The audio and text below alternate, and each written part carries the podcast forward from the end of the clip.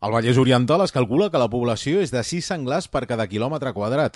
El control a través de la caça no es pot abandonar, però s'han de buscar altres solucions, perquè, de fet, només 5 dels 14 municipis que s'han reunit a Granollers l'autoritzen. Segons Josep Maria López, cap de la secció de caça del Departament d'Acció Climàtica, s'hi han de sumar altres estratègies. Sobretot pedagogia, fent bones pràctiques en el tractament de residus o evitar residus que atraguin aquests animals, situacions conflictives com el, la recollida porta a porta no? de, de les escombraries és lògicament una forma ecològica de tractar els residus, i, però s'ha d'avaluar perquè en algunes situacions el senglar està encantat de que li posem al seu abast aquesta, aquest menjar a, a, a les voreres. Al Principat s'estima que hi ha uns 300.000 exemplars de porcs senglars. Les ribes del riu Tenes, Congost i Mugent són les predilectes pels senglars del Vallès.